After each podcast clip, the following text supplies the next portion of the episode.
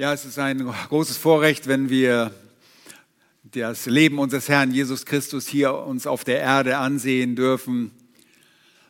Von Anbeginn seines Dienstes im Markus Evangelium bis zur Rückkehr in die Herrlichkeit. Davon berichtet uns Johannes Markus. Wir sind im 14. Kapitel angekommen und wir beschäftigen uns mit kleinen Details und Nuancen der letzten Leidenstage, der letzten Woche, in der der Herr Jesus Christus zielstrebig und als der Fügsame dem Vater untergeordnet auf das Kreuz zugeht. Und es ist eine große Freude zu erleben, dass der Herr Jesus Christus, während er schon in dem Leid steht, niemals sein Gegenüber und seine Jünger vergisst. Das haben wir schon beim letzten Mal gesehen. Und es war schon am letzten Sonntag unsere Freude bei der Betrachtung der Ereignisse von Gethsemane festzustellen, dass der Fürst des Lebens in der ultimativen Versuchung feststand und stehen blieb, als er wirklich im Kampf im Garten Gethsemane versucht wurde, und auch heute werden wir sehen, dass der Herr Jesus nicht flieht, er sich nicht wehrt, er sich nicht vor dem Feind fürchtet, vielmehr tat er das vor dem Zorn des Vaters, aber er bleibt fest und geht seinen Weg. Wir hatten dabei schon festgestellt, dass es der Weg des Vaters ist, vorgezeichnet für den Sohn, dem sich der Herr Jesus willig und dem Vater ehrerbietig äh, ergibt. Uns ist es auch unsere Freude festzustellen, dass er ihm, der ihm untergeordnete Fürst der Finsternis folgen muss. Herr Satan wird gezwungen, sich in den ewigen Ratschluss Gottes und seinen Wegen zu fügen, während der Sohn Gottes freiwillig der Fügsame ist, ist der Feind der Unfreie und der Gezwungene, der Rebell, der sich dennoch dem Willen des Allmächtigen zu beugen hat. Das ist ermutigend. Für uns ist ein Blick auf Jesus deshalb äußerst profitabel und genau das, was für die Herausforderungen in unserem Leben als Kinder Gottes vonnöten ist. Denn dieser Blick auf Jesus ist Ermutigung. Der Blick auf ihn ermutigt und schützt vor Ermattung. Ermüdung. Inspiriert und angehalten durch den Predigtext und einem Wort aus dem Hebräerbrief sage ich euch heute, die Betrachtung des Fügsamen wird dich ermutigen. Die Betrachtung des Fügsamen wird dich im Umgang mit seinen Feinden und Freunden ermutigen. Und das ist der Titel meiner Predigt. Und der Schreiber des Hebräerbriefes fordert am Ende seines so eloquenten, äh, so wunderbar geschriebenen äh, Brief die Empfänger auf. Achtet doch auf ihn, achtet auf Jesus, der solchen Widerspruch von den Sündern gegen sich erduldet hat, damit ihr nicht müde werdet und den Mut verliert. Die Betrachtung des Fügsamen ist das Gegenmittel zur Mattheit. Und dafür müssen wir ihn genau ansehen, genau betrachten und bedenken, darüber nachsinnen, was er für uns getan hat. Wir lesen den Text im Anschluss an die Ereignisse, die immer noch im Garten Eden, äh, Gethsemane stattfinden, in Markus 14 ab Vers 43. Im Garten Eden sind wir noch nicht, nee. Garten Gethsemane. Dort lese ich aus der Schlachterübersetzung. Und sogleich, als er, das ist Jesus, noch redete, erschien Judas, der einer der zwölf war, und mit ihm eine große Schar mit Schwertern und Stöcken, gesandt von den obersten Priestern und den Schriftgelehrten und den Ältesten. Der ihn aber verriet, hatte ihnen aber ein Zeichen gegeben und gesagt, der, den ich küssen werde, der ist's, den ergreift und führt ihn sicher ab. Und als er nun kam, trat er sogleich auf ihn zu und sprach, Rabbi, Rabbi, und küsste ihn. Sie aber legten ihre Hände an ihn und nahmen ihn fest. Einer aber von denen, die dabei standen, zog das Schwert, schlug den Knecht, den Sklaven des hohen Priesters und hieb ihm ein Ohr ab. Und Jesus begann und sprach zu ihnen, wie gegen einen Räuber seid ihr ausgezogen mit Schwerten und Stöckern, um mich gefangen zu nehmen? Täglich war ich bei euch im Tempel und lehrte, und ihr habt mich nicht ergriffen. Doch damit die Schriften erfüllt werden. Da verließen ihn alle und flohen. Und ein gewisser junger Mann folgte ihm, der ein Leingewand auf der bloßen Haut, auf, der, auf dem bloßen Leib trug. Und die jungen Männer ergriffen ihn. Er aber ließ das Leingewand zurück und entblößt floh er von ihnen. Soweit der Text. Lass uns beten. Herr, wir danken dir für den Einblick, den du uns gestattest durch die Berichterstattung des Johannes Markus, der sogar Augenzeuge war von Ereignissen, die hier stattfanden. Danke dafür, dass wir diese Dinge festgehalten haben, dass er, er diese Dinge festgehalten hat unter der Leitung des Heiligen Geistes, damit wir Ermutigung erfahren können, wenn wir dich betrachten als den Fügsamen. Inmitten dieser schwierigen Umstände, im Umgang mit deinen Feinden und ihrer Finte, im Umgang mit den Freunden und ihrer Flucht. Herr, ermutige uns, stärke uns, lehre uns dein Wort um deines Namens willen. Amen. Nun, lass uns zunächst in diesem Text den Herrn Jesus betrachten, speziell im Umgang mit seinen Feinden. Seine Feinde und ihre Finte, der erste Punkt, nur zur kurzen Erklärung, eine Finte ist allgemein ein Vorwand und, oder eine Täuschung. Man benutzt das im Ring oder auch beim Boxen. Im Ring ist das ein angedeuteter Griff, der den Gegner täuschen soll. In einem gemeinsamen Komplott nun gehen die Gesandten der religiösen Führung gegen den Herrn vor und haben ein Zeichen vereinbart, das Intimität vortäuscht, aber für die größte Abscheulichkeit steht, die es überhaupt gibt. Bei diesen Handlungen der Feinde übernimmt Judas die Wegweisung der Menge. Lasst uns zunächst den Wegweiser in der Begegnung mit dem Fügsamen ansehen. Der Wegweiser, Verse 43 bis 45. Da heißt es, ich lese nochmals, und sogleich als er, Jesus, noch redete, erschien Judas.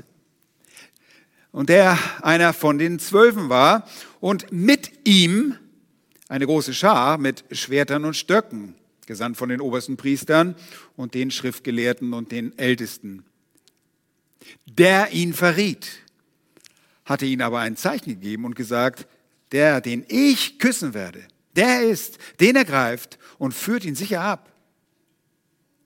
Und als er nun kam, trat er sogleich auf ihn zu und sprach, Rabbi, Rabbi.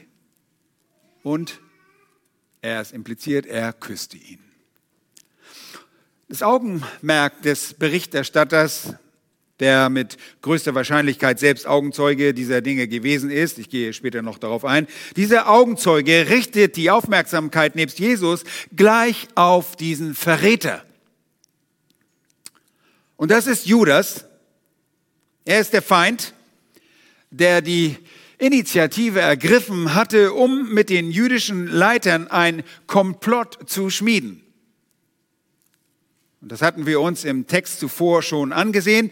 Im Plan dieser gemeinsamen Unternehmung sollte Jesus festgenommen und beseitigt werden, ohne das Aufsehen der Öffentlichkeit zu erregen.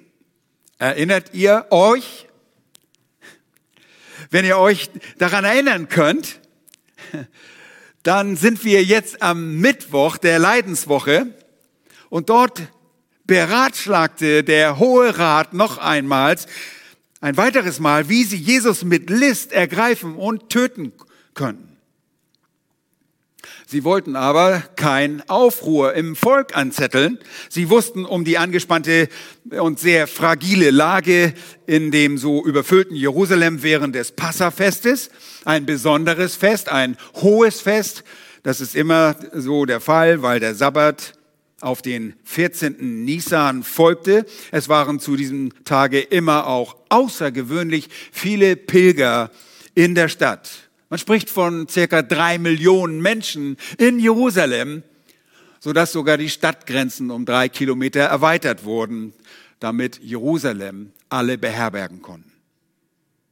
Und so waren die Tage für sie zur Festnahme und Tötung des Herrn einfach nur ungeeignet. Der Hohe Rat sagte, das, das passt nicht, zu gefährlich, bis, ja, bis Judas kam. Und in der Vorsehung Gottes macht dieser Verräter des Herrn den ihn sehr gelegenen und geeigneten, für sie geeigneten Vorschlag. Und das, was er sagte, passte einfach. Und jeder, der darüber heute gründlich nachdenkt, erkennt Gottes souveränes Wirken darin, damit der Herr Jesus auch sein Leben zum Passafest aufgeben konnte.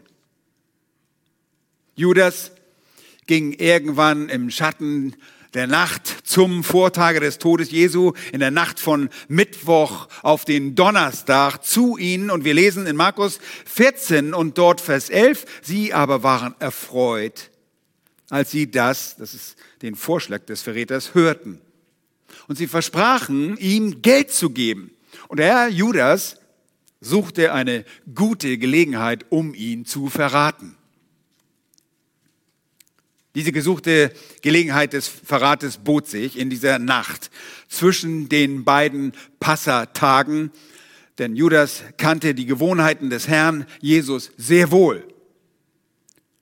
Und er hatte ihn lange genug begleitet, um zu wissen, wo Jesus die Nacht zwischen diesen beiden Tagen, die sich aus der Ihr erinnert euch an die unterschiedliche, aus der unterschiedlichen Berechnung des Tagesbeginns der Juden ergab, wo er diese Nacht verbringen würde, war dem Judas sehr wohl bekannt. Und so kommt er, Judas, und er kommt nicht allein. Er kommt als Wegweiser.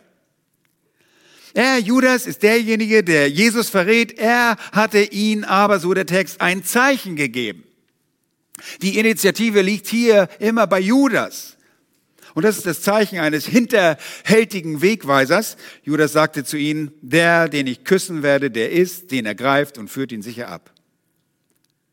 Und dieses Zeichen ist die heimtückische Finte eines Scharlatans, mit der er den Meister, den er so lange begleitet hatte, auf eine für ihn angenehme Art und Weise verraten sollte. Er steht dabei relativ gut da. Judas steht also oben an auf dem Zettel im Verrat. Er hatte laut Johannes eine Truppe an seine Seite bekommen. Nicht umgekehrt. Nicht Judas kam an die Seite dieser Truppe, sondern er hatte eine, eine Gruppe an seine Seite bekommen. Er geht voraus. Und diese Truppe war für die sichere Festnahme des Herrn nötig. Und es ist dieser niederträchtige Sünder, der den Herrn verraten sollte. Er ist Wegweiser für die Feinde des Herrn. Und ich sage Wegweiser, weil das genau die Worte des Petrus sind, die er selbst für Judas verwendete. Petrus, der ebenfalls Zeuge und bei diesen Ereignissen dabei ist, sagt, über einen Monat später nach diesen Ereignissen, nach Jesu Himmelfahrt in Apostelgeschichte 1, Vers 16, und zwar aus Anlass der Ersetzung des abgewichenen Apostels, dieses abtrünnigen Judas, und einer Wiedereinsetzung eines zwölften Mannes folgende Worte. Da heißt es, Apostelgeschichte 1,16. Ihr Männer und Brüder, es musste dieses Schriftwort erfüllt werden, dass der Heilige Geist durch den Mund Davids vorausgesagt hat über Judas, welcher denen, die Jesus gefangen nahmen, zum Wegweiser wurde. Er beschreibt Judas und dann dessen Abtrünnigkeit und weist auf Psalm 109, Vers 8 hin, sein Amt empfinge ein anderer. Aber das nur nebenbei. Judas wurde zum Wegweiser. Und der Predigtext hebt diese Realität hervor. Vers 43, und sogleich als Jesus noch redete, erschien Judas. Er ist auf der Bildfläche der einer der zwölf war. Und Johannes Markus macht unmissverständlich deutlich, dass es nicht ein anderer Judas war, denn der Name war, wie ihr schon wisst, sehr geläufig. Der Zusammenhang lässt euch keinen Zweifel daran, dass es sich um Judas Iskariot, den Mann aus Kariot handelt, der hier auftaucht und die große Schar der dem fügsam feindlichen Gesinnten anführt. Lukas und es ist wirklich sehr hilfreich, bei diesem Ereignis alle der Evangelisten genau zu betrachten. Lukas schreibt, Judas ging vor ihnen her. Und stellt euch das vor, Judas an der Spitze und es folgt ihm eine ganze Entourage, eine ganze Gefolgschaft, eine riesige Menge. Er ist ihr Wegweiser, besessen von Satan dem Erzfeind Gottes schreitet er der Menge der Sklaven Satans auf dem Weg zu Jesus voraus. Denn das waren sie, diese Feinde, Sklaven Satans. Voraus der Schar, die Jesus festnehmen sollte. Und wir lesen von Judas in Vers 45. Und als er nun kam, trat er sogleich auf ihn zu und sprach Rabbi, Rabbi und küsste ihn. Judas erfüllt ohne jegliche Umschweife seine Mission. Und Markus äh, setzt dafür das so häufige Eingesetzte sogleich, das auch in Vers 43 äh, benutzt wird. Das erscheint auch hier. Sofort, absolut sofort geht Judas auf Jesus zu und begrüßt ihn auf eine sehr vertraute und wie wir sagen müssen, wie wir das sagen können, heuchlerische Art und Weise. Und er sagt, Rabbi, Rabbi, gleich zweimal, was so viel bedeutet wie mein Lehrer, mein Meister und eine sehr ehrfürchtige, eine, ehrgebiet, eine ehrerbietige Anrede war, gefolgt von einer vorgetäuschten, ehrerbietigen Handlung, nämlich einen Kuss. Diese Finte, diese Täuschung in dem Reden und Handeln des Judas zielt nicht etwa darauf ab, Jesus und die Jünger in Bezug auf einen Plan hinter das Licht zu führen. Ich meine, so schlau war Judas und so schlau war auch Satan mittlerweile, dass man Jesus nicht einfach täuschen konnte.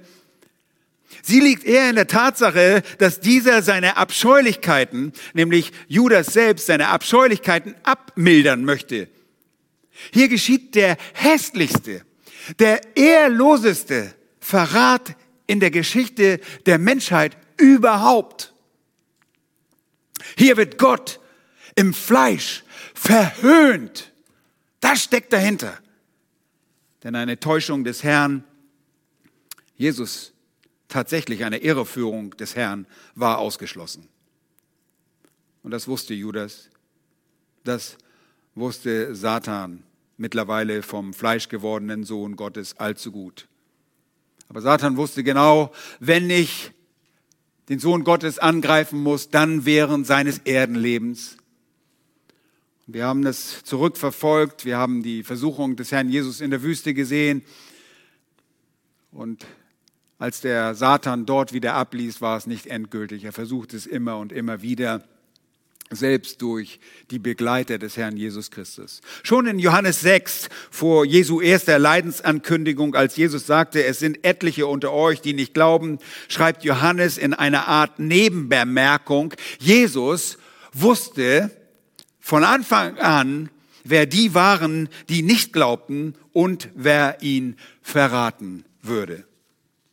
Also es ist überhaupt nichts Neues für Jesus, dass Judas kommt.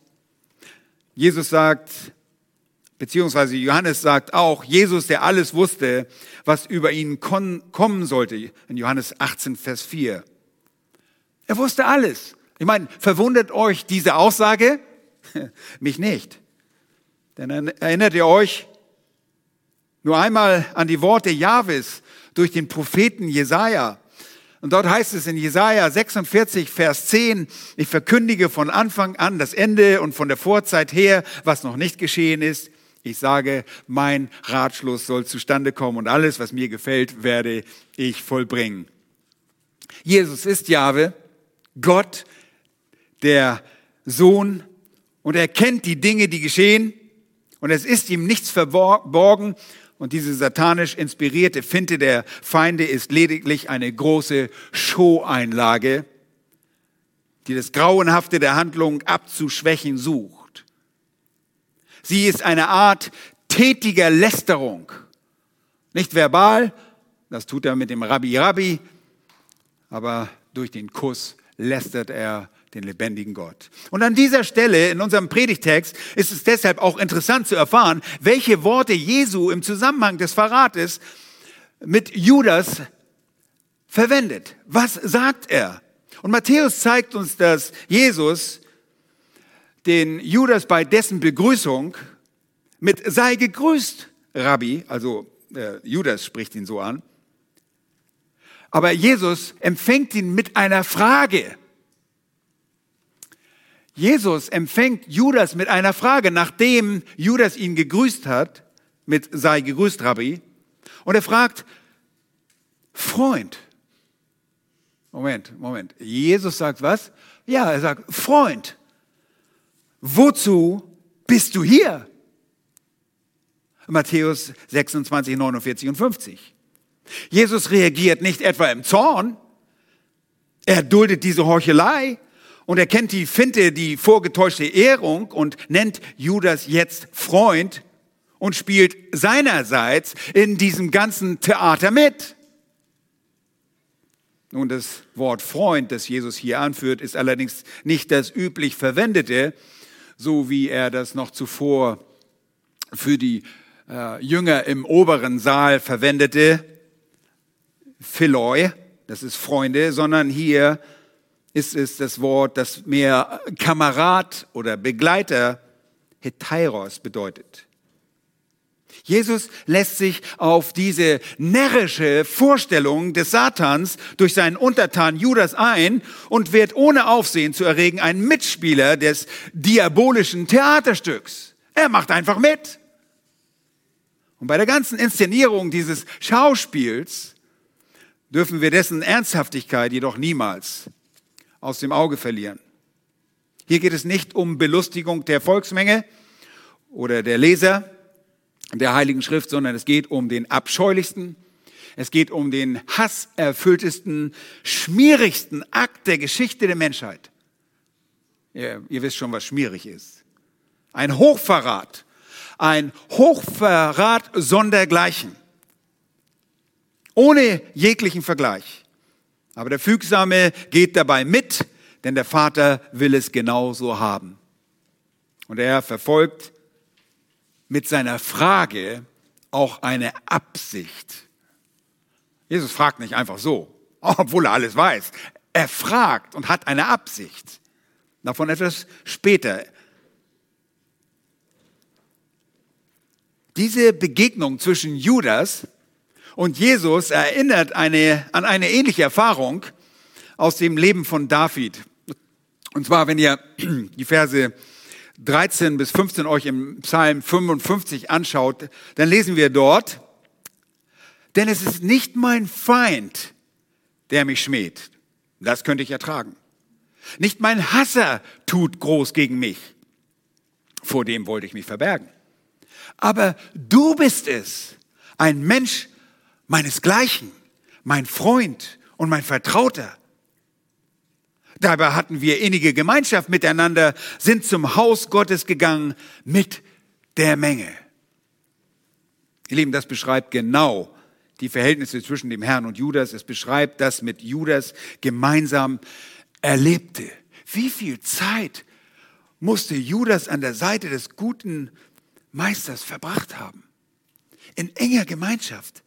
Welch unbeschreibliches Privileg an der Seite des lebendigen Gottes für Monate, ja sogar Jahre zu leben und beobachten zu können, was diesen guten Lehrer ausmachte.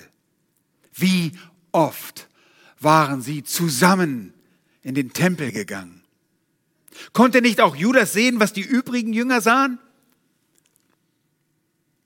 Johannes schreibt von den Jüngern in Bezug auf Jesus. Und das Wort wurde Fleisch und wohnte unter uns. Und wir, die Jünger, Johannes schreibt das, sahen seine Herrlichkeit. Eine Herrlichkeit als des Eingeborenen vom Vater voller Gnade und Wahrheit. Ich meine, konnte Judas diese Herrlichkeit nicht sehen?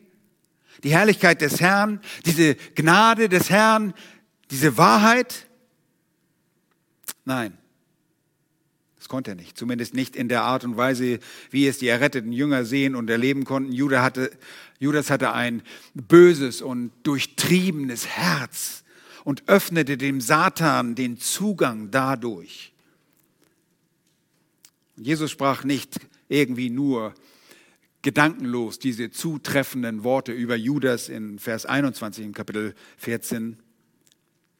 Er sagt, der Sohn des Menschen geht zwar dahin, wie von ihm geschrieben steht, aber wehe jenem Menschen, durch den der Sohn des Menschen verraten wird.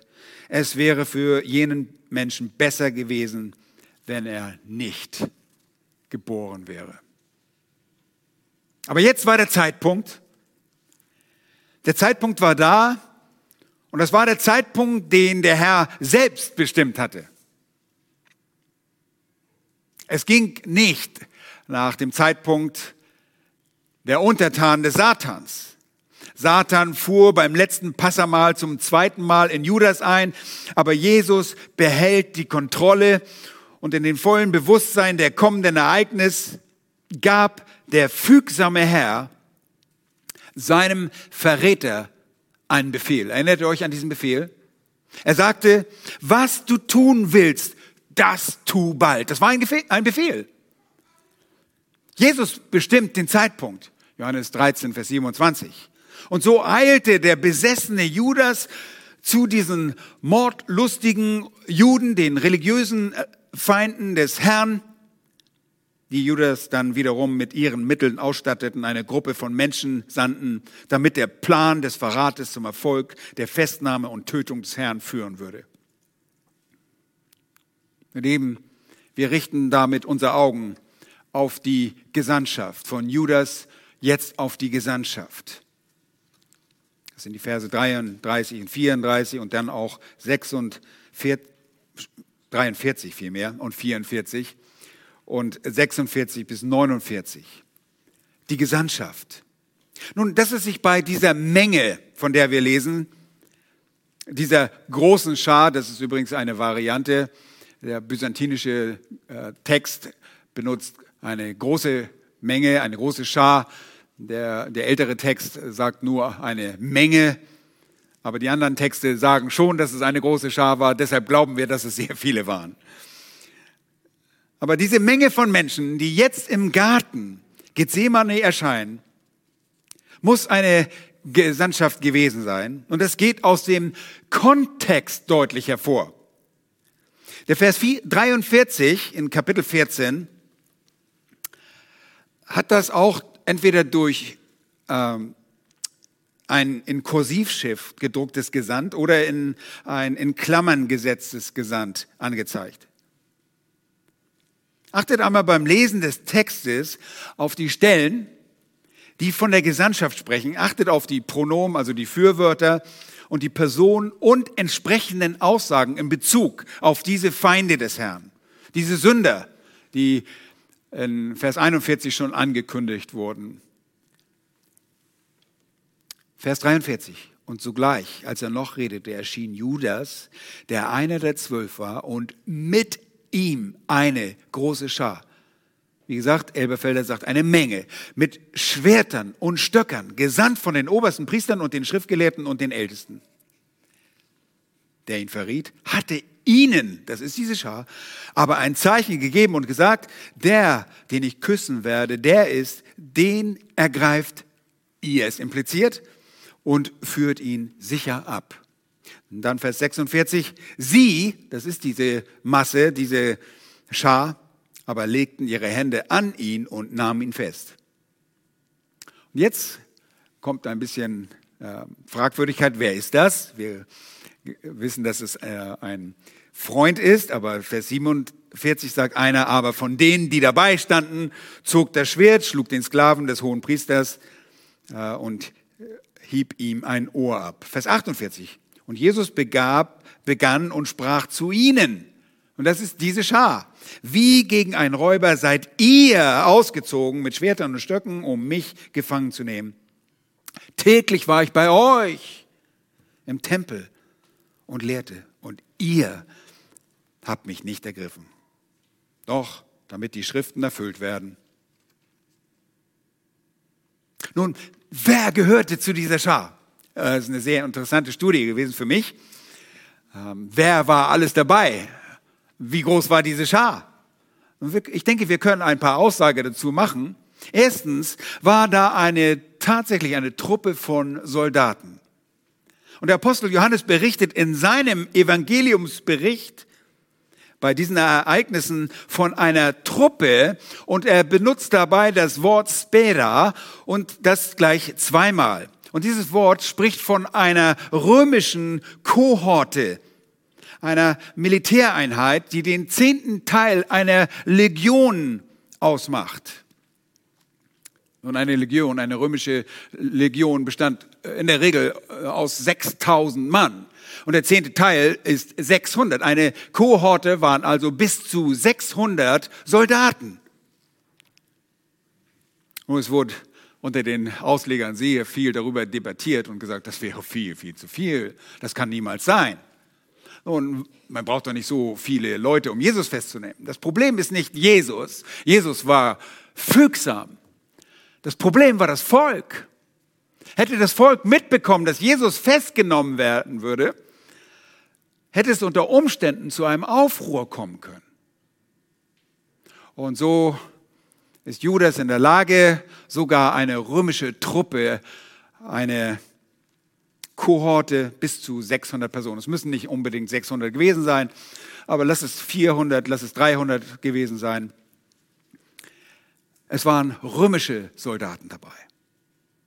Und was das bestätigt, ist auch noch, äh, es war mindestens ein Kiliarch dabei. Und er sagt, was ist das denn?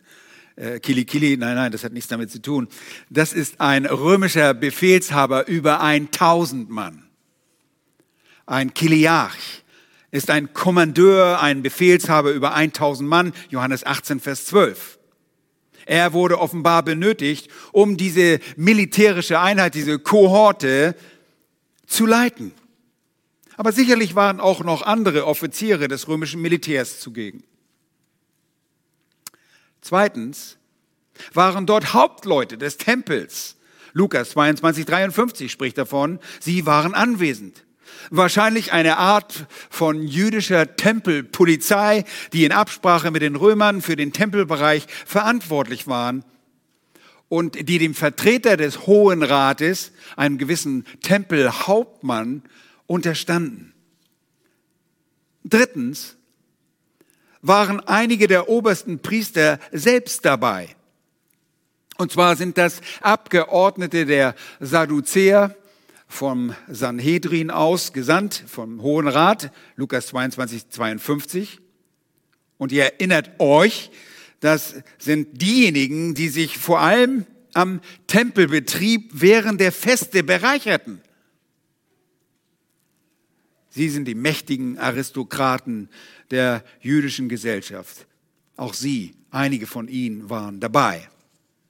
Viertens waren einige der Ältesten des Volkes dabei, Mitglieder des Hohen Rates, Lukas 22, 52 spricht davon, angesehene Männer, die mit ihrem Rat im Sanhedrin Einfluss nahmen.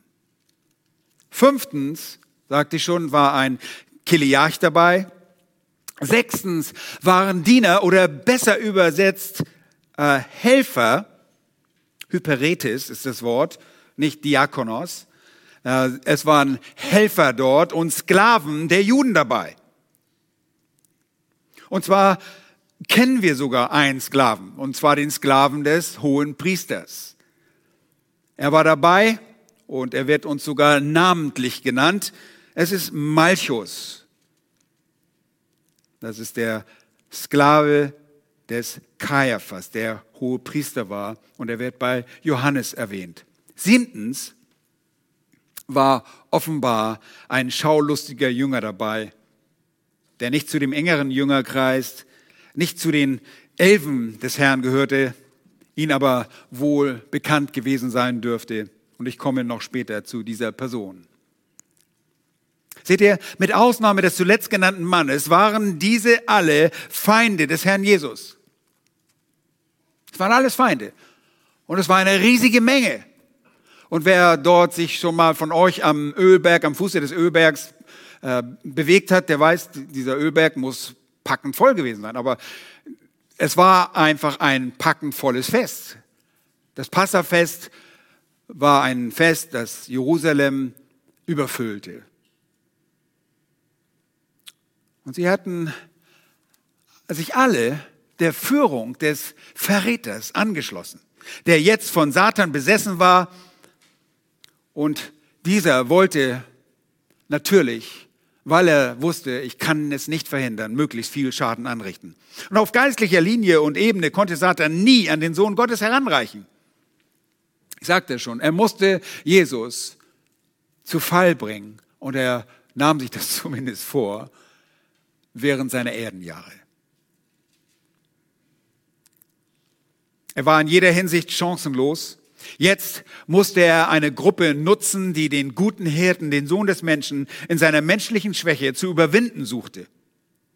Ja, er war ein Mörder von Anfang an, aber den Mord an Jesus wollte er am liebsten auf diese Art und Weise verhindern.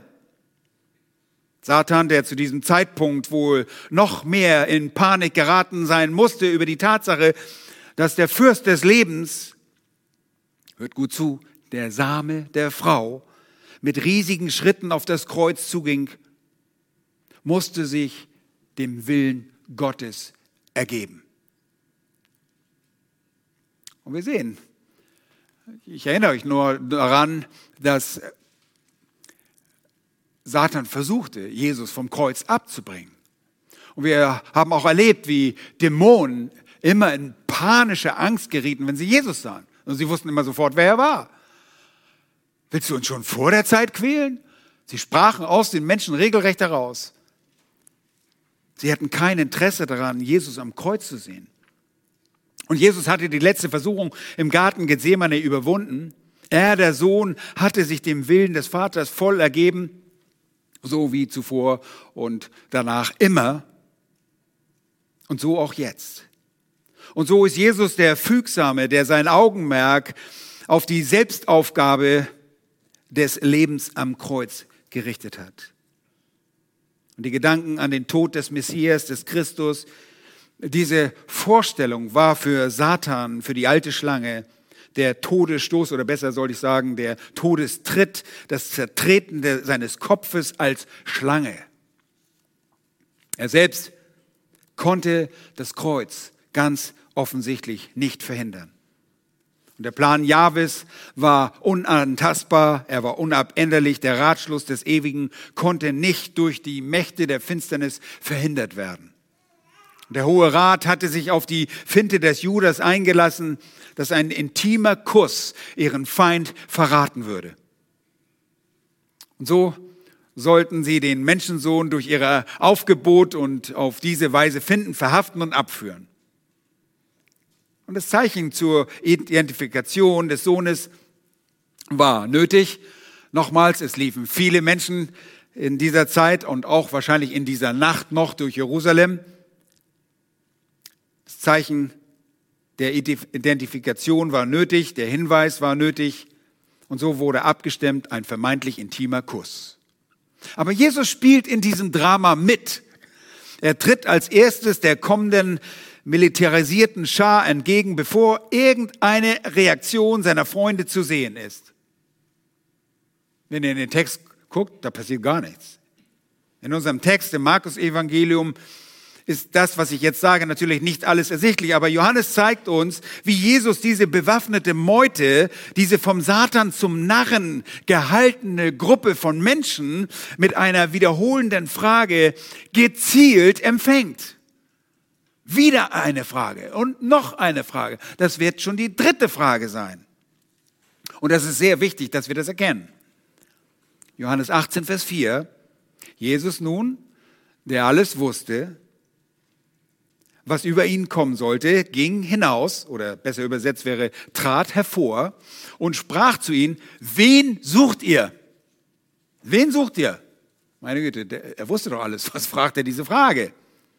Er, dem alles bekannt war, fragt sie dennoch. Wie zuvor, als er Judas fragte, Freund, wozu bist du hier? Also, wen sucht ihr? Jesus spielt dieses Spielchen auf seine Art und Weise mit und gleichzeitig erweist er sich dabei als souverän. Wer einen unheiligen Kuss von einem Narren erhalten soll, und das war das wirklich, und das war Judas, der hat sich seinem Gegenüber und den Verbündeten des Verräters auch geschickt etwas ausgedacht in aller Weisheit. Und das tut Jesus. Aufklärende Worte Jesu wären in diesem Fall an der Torheit der Feinde abgeprallt. Weil Jesus genau wusste, was er jetzt zu tun hatte, spielt er mit. Er lenkt mit seiner Frage und mit seinen Fragen die Aufmerksamkeit seiner Feinde gekonnt auf sich. Die Aufmerksamkeit soll Jesus allein haben. Er möchte durch die Frage, dass sie nur an ihn denken. Und auf die erste Frage, nach dem wem sie suchten, erhält Jesus die gewünschte Antwort. Jesus den Nazarener. Johannes 18,5. Und das war wirklich alles, was der Sohn Gottes für diese Menschen war. Er war ein Mann namens Jesus, der aus Nazareth kam, einer Stadt, die nicht den besonderen guten Ruf hatte. Und ihr erinnert euch sicherlich an Nathan, oder Nathanaels Bemerkung, und die reflektiert diese Auffassung von Nazareth. Der sagte nämlich, kann aus Nazareth etwas Gutes kommen? Johannes 1,46. Aber Jesus prompte Gegenantwort für seine blutrünstigen Feinde ist, ich bin's. Ich bin's. Und diese Worte setzten offenbar eine unsichtbare, aber wohl spürbare Druckwelle in Gang. Ich meine, wovon spreche ich jetzt? Es kann auch andere physikalische äh, Erklärungen dafür geben. Aber schaut mal, sie wichen alle zurück, als er sagt, ego emi, ich bin's. Wichen sie alle zurück und fielen zu Boden. Sie fielen zu Boden. Unglaublich. Und das erinnert nur an die Macht der Worte des Herrn, durch die er selbst die ganze Erde, der Herr Jesus Christus und das Universum erschuf. Jesus setzte durch diese zwei griechischen Worten, Worte ein klares Zeichen, wer weiterhin, wer er war und wer er weiterhin, dass er weiterhin die Kontrolle in diesen Ereignissen im Garten Gethsemane besitzt. Ein Wort kann seine Feinde fällen. Und das ist erstaunlich. Bei den Feinden sehen wir überhaupt gar keine Reaktion. Die stehen anscheinend wieder auf und machen weiter. Die haben irgendwie ein Brett vor den Kopf. Das sind echte Narren. Statt zu sagen, was war denn das? Ich glaube, wir sollten diesen mal anbeten. Nein, sie machen einfach, wir lesen gar nichts mehr. Nichts davon. Ups, weg. Und dann fragt er sie ein zweites Mal, wen sucht ihr? Wen sucht ihr? Und wieder erhält er dieselbe Antwort. Die Antwort der feindlich gesinnten Menge bleibt natürlich unverändert und ist gut so. Jesus, den Nazarener.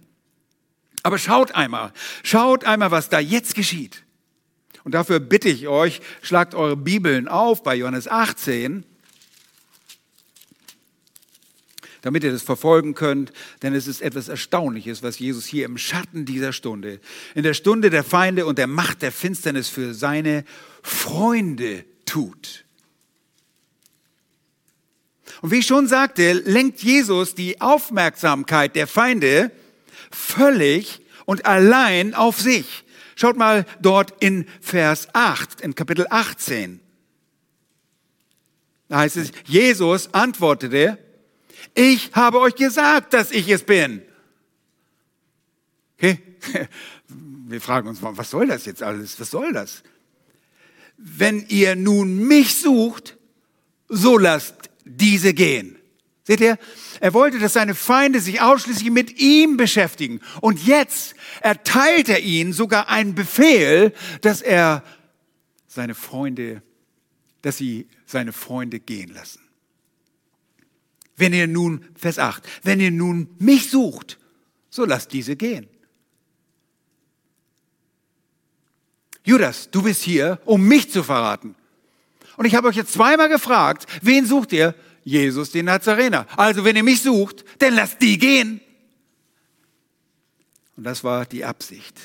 Er erteilt ihnen den Befehl und sie müssen die Freunde Jesu gehen lassen.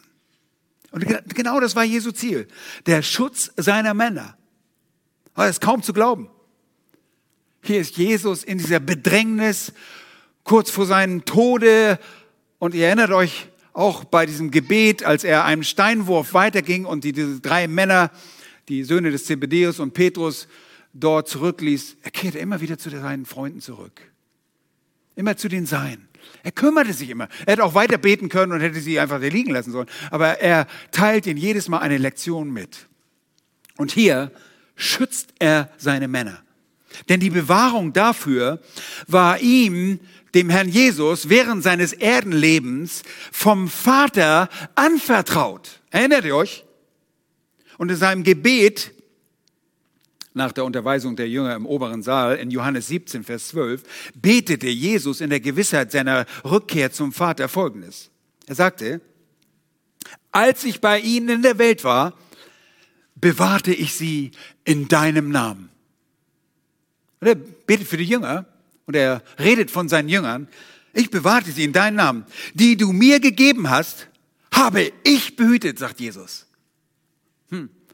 Seht ihr, hier in dieser kniffligen Situation behütet er seine Jünger. Er lenkt die Aufmerksamkeit nur auf sich und befiehlt ihnen, seine Freunde gehen zu lassen. Und dann sagt er, und keiner von ihnen ist verloren gegangen als nur der Sohn des Verderbens, damit die Schrift erfüllt würde. Seht, selbst in dieser dunklen Stunde, in der, in der, in ihrer Stunde heißt es in Lukas 22, der Macht der Finsternis, vergiss Jesus, nicht seine Freunde. Und die Jünger, die geliebten Nachfolger, sind ihm immer am Herzen. Und die Feinde gehen gegen Jesus vor wie gegen einen Räuber mit Schwertern und Stöcken und mit Lampen im Dunkel der Nacht. Und Jesus macht deutlich, dass sie das doch schon alles hätten viel eher tun können. Denn er lehrte täglich im Tempel und das war bei Tageslicht sogar. Aber er wusste, die Schrift musste erfüllt werden. Und der Wille des Vaters und dessen Auftrag war, durch ihn zu erfüllen. Und so bewahrt er die Seinen, die ihn so jämmerlich im Garten Gethsemane, in seinem einsamen Gebet und bei dem grausamen Ring seiner Versuchung allein ließen. Er hingegen ist treu. Und so kommen wir zu seinen Freunden, und ihre verheißene Flucht, die angekündigte Zerstreuung der Schafe. Zweitens, seine Freunde und ihre Flucht. Und da sehen wir die Jünger. Und man, man liest gar nicht viel. Zumindest bei Markus nicht, Vers 47. Wir sehen und lesen nichts von den Jüngern, bis wir zu Vers 47 kommen. Wir wissen allerdings, dass sie da sind.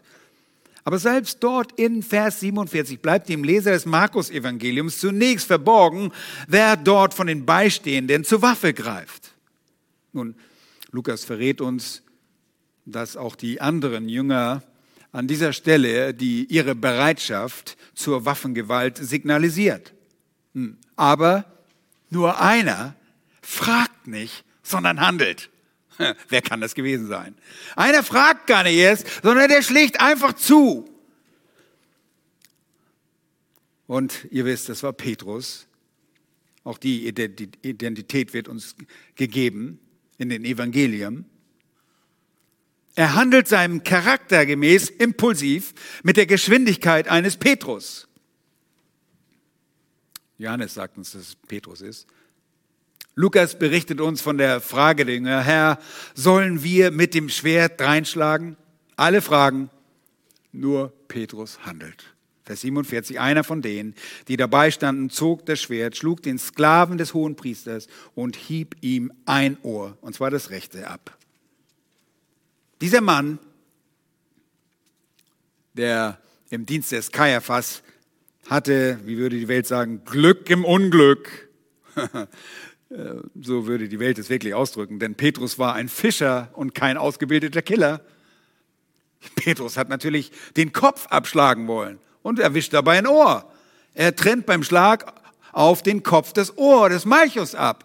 Und was macht Jesus? Der klebt das gleich wieder an. Gleich wieder heil gemacht. Und was lesen wir? Fallen die nieder und beten ihn an? Nein, alles, wird alles so hingenommen. Völlig blind. Und es geht weiter. Es geht weiter im Kontext. Unglaublich. Und es ist offensichtlich, dass ein anderes Schwert im Begriff war zu erwachen. Und ich spreche jetzt nicht von dem Schwert des Petrus oder der, der Jünger. Es ist das poetische Schwert des Zacharia, beginnt zu erwachen. Die Vorhersage Jahwes und die Worte Jesu beginnen sich zu erfüllen. Denn vor wenigen Stunden noch auf dem Weg zum Garten Gethsemane sagte Jesus in Vers 27, ihr werdet in dieser Nacht alle an mir Anstoß nehmen, denn es steht geschrieben, ich werde den Hirten schlagen und die Schafe werden sich zerstreuen. Das ist das Zitat aus Sacharja 13, Vers 7. Und das war nicht der ganze Vers, sondern nur ein Auszug. Der Vers beginnt wie folgt. Schwert und wir wissen, Jahwe Zebaoth spricht, erwache gegen meinen Hirten. Ha. Dieses Schwert wird von Jahwe Zebaoth geschwungen und geführt. Und jener, der Vater, führt das Leid und den Tod seines Sohnes nun in den kommenden Stunden des Tages herbei. Jesus wird nicht von irgendwelchen Römern oder Juden getötet. Das ist nicht der Grund. Der Vater lässt ihn leiden. Wir erinnern uns daran. Jeder Widerstand gegen den Willen des Vaters ist zwecklos. Und kein Widerstand ist zweckdienlich. Und die elf Jünger, die hier anwesend sind, sind nicht nur traurig, sie sind nicht nur entgeistert, nein, sie selbst wollen in dieser Situation noch mit allen Mitteln verhindern, was Satan selbst zu verhindern suchte, aber nicht zu verhindern vermochte. Waffengewalt war in diesem Kontext nicht im Sinne des Herrn. Und deutlich spricht Jesus zu Petrus, stecke dein Schwert an seinen Platz. Wo ist der Platz? Das ist in der Scheide des Schwertes. Soll ich den Kelch nicht trinken? fragt er. Soll ich nicht den Kelch trinken, den mir der Vater gegeben hat? Er ist der Fügsame. Und ihr Lieben, in einer nur scheinbaren Ohnmacht lässt er die Dinge in Geduld zu und über sich ergehen. Und dabei erinnert er Petrus bei seinem Befehl, das Schwert in seine Scheide zu stecken, daran, dass alle, die zum Schwert greifen, durch Schwert, durch das Schwert umkommen werden. Und ihr Lieben, das spricht nicht von, von einem grundsätzlich gewünschten Pazifismus, dass wir alle Wehrdienstverweigerer sein sollen oder, oder Kriegsdienst verweigern sollen. Das ist nicht damit gemeint, sondern es redet davon, dass der Mord eines Menschen das Leben eines Mörders fordert unter dem Gesetz.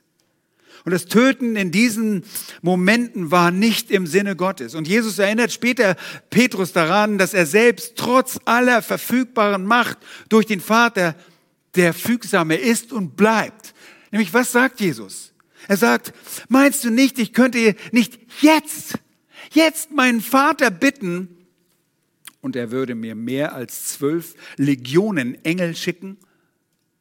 Eine römische Legion, das ist der Begriff hier, hatte 6000 römische Soldaten. Stell dir vor, 6000 mal 12, er kann uns mehr als 12, also 12, 72.000 Engel schicken. Wie würde dann aber wie würden aber dann die Schriften erfüllt, dass es so kommen muss? Seht ihr, das ist eine scheinbare Ohnmacht. Der Fügsame ist mächtig. Er kann alles machen. Er hätte die so wegpusten können. Und so bleibt Jesus der Fügsame im perfekten Willen des Vaters. Und später erklärt Jesus in seiner Fügsamkeit ohne Kampf auch den Grund dem Pilatus. Und er sagt ihn in Kapitel 18, Vers 36 von Johannes, er sagt zu Pilatus, mein Reich ist nicht von dieser Welt. Es ist nicht von dieser Welt. Wäre mein Reich von dieser Welt, so hätten meine Diener gekämpft, damit ich den Juden nicht ausgeliefert würde. Nun aber ist mein Reich nicht von hier. Kampflos ergibt sich der Herr, der Schöpfer, der König, der Könige, der Herr, der Herrn, dem Willen des Vaters.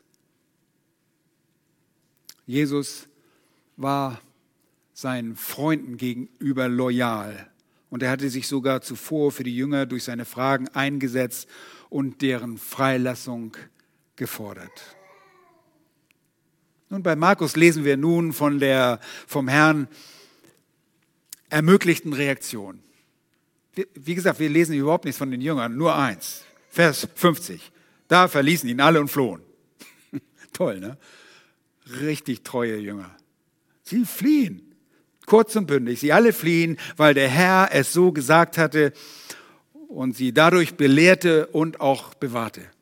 Wir erinnern uns, er belehrt sie durch ihr Versagen.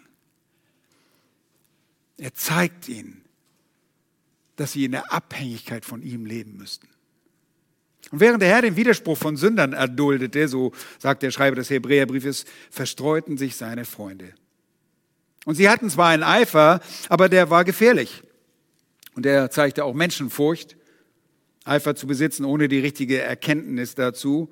Und das kennen wir auch äh, von dem Volk Israel, dass es nicht so gut ist. Im Römerbrief, da lesen wir in Kapitel 10, da zeigt der Apostel Paulus auf, als er von dem Eifer der verblendeten Juden spricht, die sich nicht der Gerechtigkeit unterwarfen, stattdessen ihre eigene zu errichten suchten. Hier ist der Eifer des Petrus und der Jünger fehlgeleitet. Aber ihr Lieben, wir kennen die Geschichte. Nur wenige Tage später begreifen sie und wissen es besser. Und ihr Leben in ihrem Leben machen sie es auch viel, viel besser. Der Herr kam mit ihm zum Ziel. Nun, zu den Freunden erscheint eine noch bisher nicht bekannte Person. Das ist der Jüngling, der hier erwähnt wird in Vers 51 und 52. Und ein gewisser junger Mann folgte ihm, der ein Leingewand auf dem bloßen Leib trug, und die jungen Männer ergriffen ihn. Und er aber ließ das Leingewand zurück und entblößt floh er von ihnen. Das war am Ende in den Versen 51 und 52. Was wir da lesen, ist ein Hinweis des Autors, wie er verdeckt und zurückhaltend auf sich hinweist. Und die, diese ähm, Bemerkung ähnelt gewissermaßen einer Signatur bei einem Gemälde das der Künstler gewöhnlich in eine Ecke seines Werkes setzt. Und wir sehen das beispielsweise bei Ölgemälden. Wer Bares für Rares guckt, der weiß sowas, ja. Äh, der Künstler hinterlässt seine eigene Identität durch seine Signatur, einem Kürzel oder eine Unterschrift irgendwo, entweder vorne oder hinten auf diesem Werk. Und hier ist dieser Hinweis, gewissermaßen die Unterschrift des Markus in seinem Evangelium. Und was passiert? Markus muss irgendwie von dem ganzen Vorfall Wind bekommen haben. Vielleicht hatten sie sich in äh, dem Haus der Mutter oder des Vaters versammelt und er beobachtete die Ereignisse und lief dem hinterher, hatte sich vielleicht gerade einem Obergewand übergezogen und lief einfach so hinterher. Und er beobachtete die Dinge, er war einfach von etwas weiten stand er und guckte zu. Und auf einmal fangen diese jungen Männer, das waren diese jungen Soldaten, das waren keine alten Soldaten, das waren kriegsfähige Leute, und sie wollen ihn ergreifen. Das passt ihm nicht. Hm, weg! Auch er sucht aus Furcht das Weite. Er flieht. Und als ein junger beistehender Beobachter und dem Herrn zugeneigter Mann ist Johannes Markus wohl auf der Flucht um sein Leben oder auf, ja, um sein Leben auf der Flucht und er lässt dabei sein Mantel, sein Obergewand von seiner eigenen Haut abziehen, so dass er völlig entblößt flieht. Und das erinnert ein bisschen an die Geschichte von Josef, der im Haus Potiphas auch sein Obergewand zurückließ, aber aus den richtigen Gründen, weil die Frau ihn verführen wollte. Aber der junge Mann hier flieht aus Furcht, dass man seinem Leben Schaden zufügen könnte durch den Heiligen Geist veranlasst, hatte Markus bewusst diesen Text angeführt, um seine Schwäche, seine Demut zum Ausdruck zu bringen. Sagt mir nicht, er war stolz auf seine Demut. Nein, nein er, er zeigt einfach, wie er ein Versager ist. Er gestand sein Versagen. Und er tat das wie die übrigen Apostel und auch er sollte lernen. Und es handelt sich wirklich mit allergrößter Wahrscheinlichkeit um Johannes Markus, den Schreiber des Markus-Evangeliums. Markus damit letztlich schaut, so war ich ängstlich und furchtsam. Ich dachte an mich und nicht an den Meister. Ich bin von der Seite des Christus geflohen, als er niemanden hatte. Und als alle flohen, bin auch ich geflohen.